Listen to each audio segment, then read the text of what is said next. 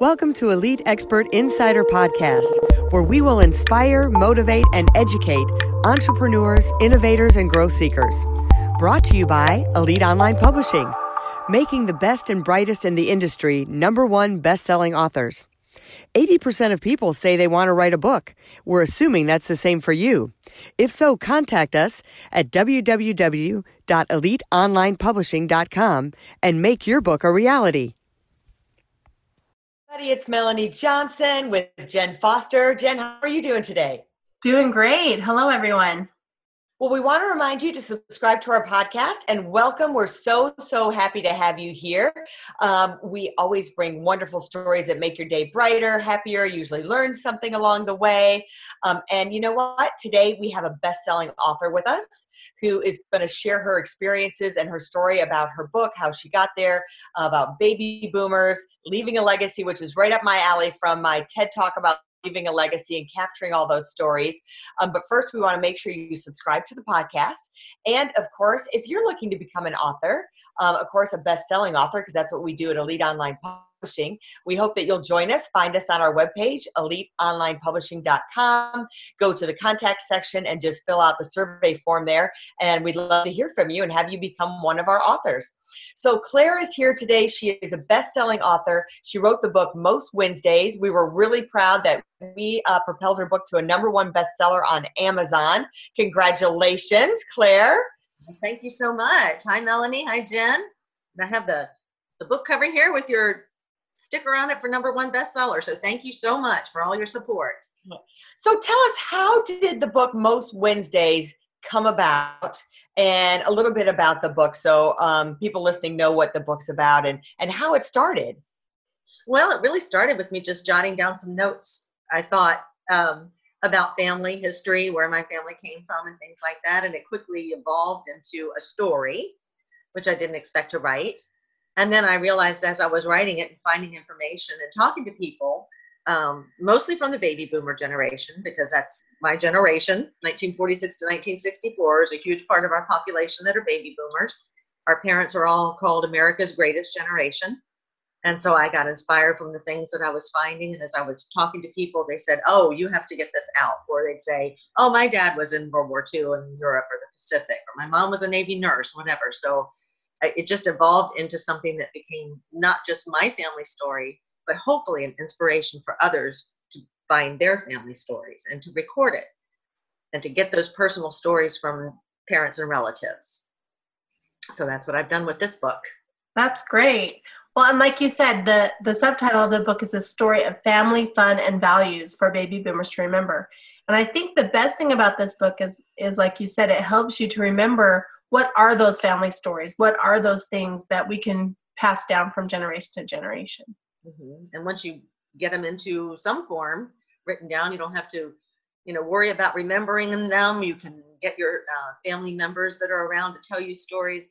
I found things like letters that my father had sent home to his parents from when he was in World War II in Europe. We have a diary from my aunt who was a Red Cross worker during and after the war in Europe, and she put a very detailed account my mother's 89 she just turned 89 but uh, most wednesdays it's because most wednesdays i spend with her and she told me stories. So it was fascinating for me to learn things that i really didn't know. And and many people will say if their parents particularly fathers because it was mostly men that were sent overseas um, don't don't talk about their stories. They just you know they they did that time they come home they don't discuss it. And uh, unless somebody's asking them that part of their history is gone so I'm hoping to inspire others. That's really changed over the years. I mean, from the Vietnam War and finding out the reactions, like before the men would just stuff it in and try and make that transition. What are some, you know, I just love listening to my parents' stories as well, and you always come up with new information. What were some of the aha moments that you may have had during this process? Maybe um, not just like you said, you find new letters and stuff, but what were some of the other light bulbs that maybe went off on your head that this will help generations of your family down the road? Well, even some things that I already knew. I knew my father was a World War II soldier, um, even though he didn't talk about it. Um, I found out little details, like he was sent over uh, to Europe during the coldest winter there had been for 40 years. It was 10 degrees below zero, and they had no support. Uh, what was a coincidence for me is that my mother, at the same time, although she was a teenager, she was growing up in Oak Ridge, Tennessee, and that was the site of one of one of the sites for the Manhattan Project. Her father actually designed power plants that were designing the atomic bomb. Now, it, it seems kind of simple in hindsight, but if that site had not been successful, um, my dad would have been sent for an invasion of Japan. a lot of people would have been sent for an invasion of Japan. And I mm-hmm. dedicate this book to our freedom because really I gained such a great appreciation for what that generation did. Because if they had not been successful, the world would not be like it is today. World War II affected everyone on the planet. And although I'm not a military history buff, my husband is, and things would have been very different. So I dedicated to our freedom because we would not have that uh, after that point in time if they had not succeeded as they did. So that was a pretty big aha. Uh-huh. Right, right. Um, that that's a really good story. And and so tell us, you know, most Wednesdays you spend with your mom and and you ask for questions. Do you record them? Do you write them down? Tell us kind of a little bit of the process of how you got all these stories into the book. Well, I started just talking to her about, you know, questions that I had.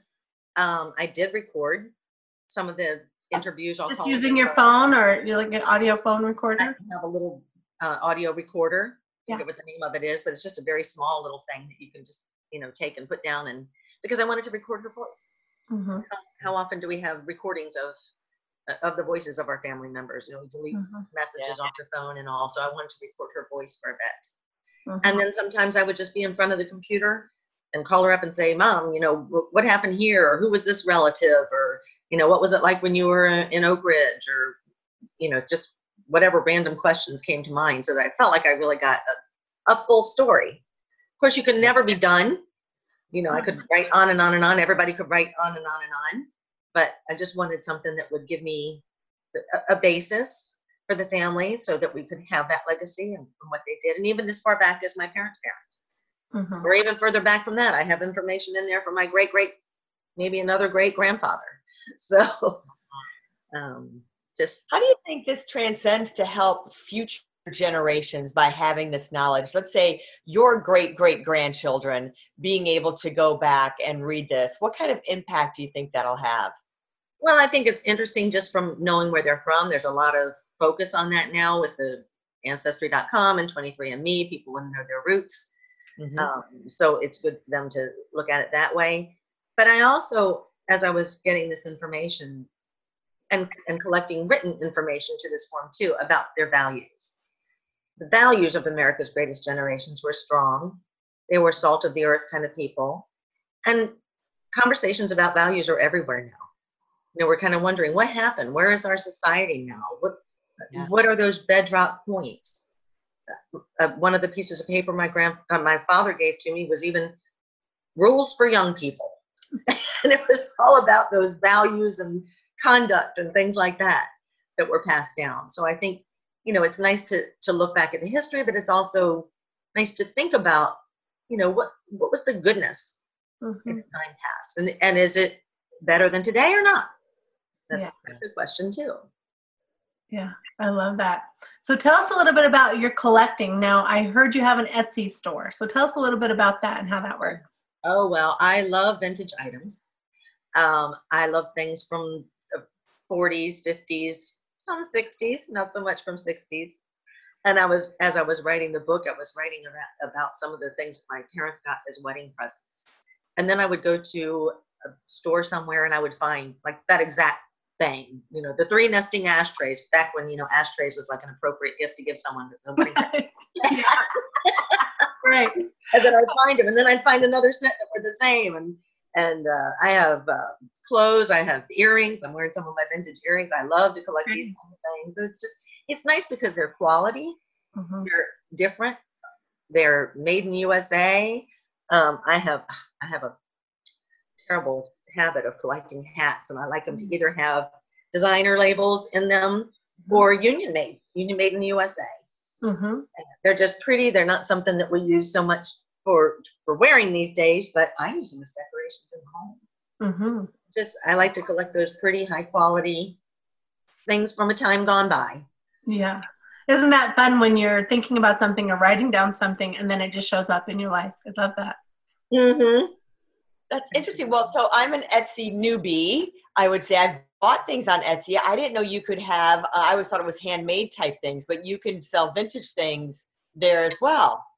Yes, they they allow you to sell handmade items, um, craft supplies, or materials to make items with, and vintage.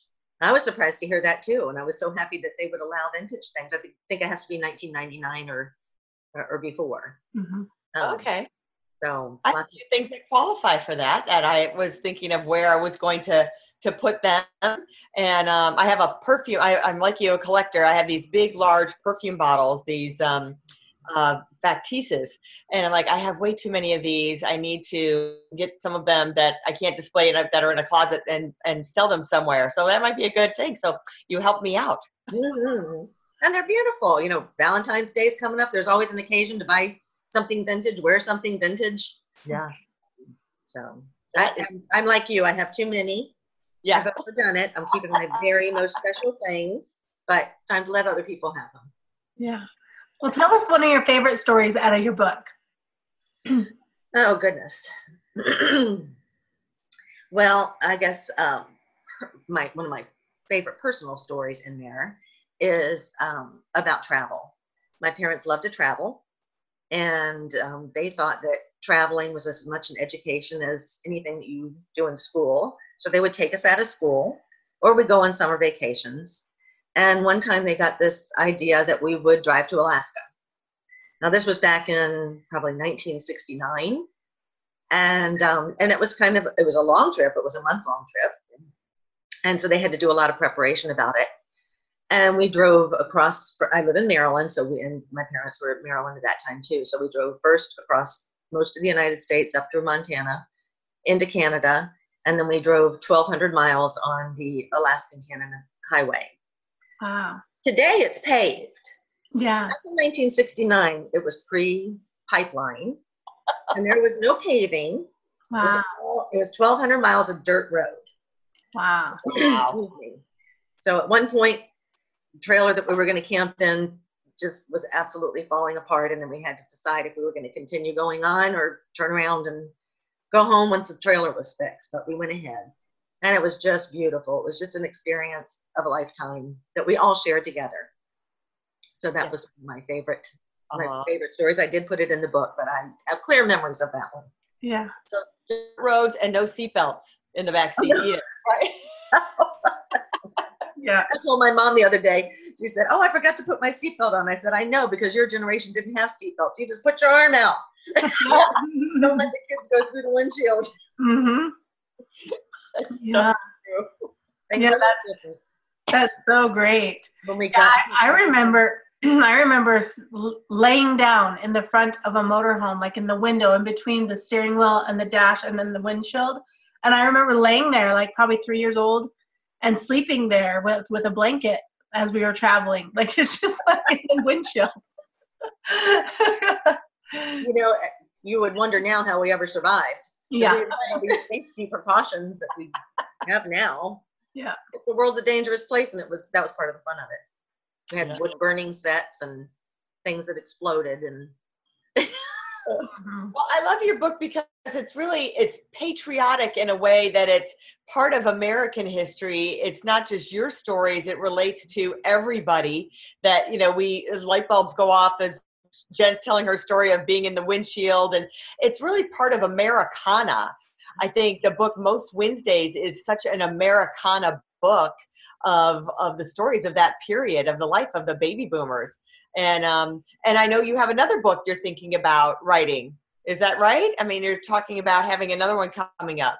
Yes it's a totally different topic. I didn't um plan this either but as i was writing those wednesdays and real, realized that i was dedicating it to our freedom and i do have some short history in there of world war ii not not too much because nobody needs to read this for a history book um, but it was just even though I studied that, I guess in high school, I didn't remember any of it. And then it was just unbelievable when I went back and looked at what was going on.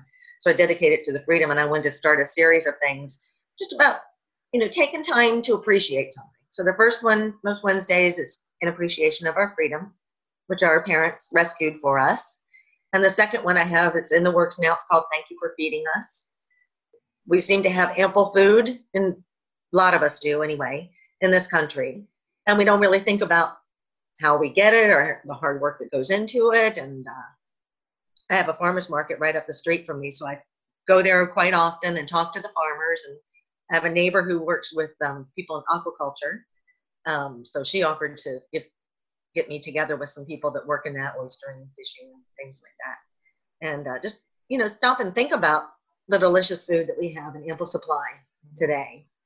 So, excuse me, hopefully I will um, have that done before too long and ask your assistance to get that one to a number one bestseller also, but it'll be called Thank You for Feeding Us in appreciation our, of our farmers and food. That's wonderful. And like the Etsy shop that I have for most Wednesdays, I'll have a product that I've developed that people can use to, to kind of cut down on single use disposables and focused on our food. So mm-hmm. more on that later. Okay, awesome. I remember in the days of the farmers market when I was a kid, we'd go to the farmers market pretty regularly in Detroit, Michigan, and the food was always a bargain at the farmers market compared to the grocery store.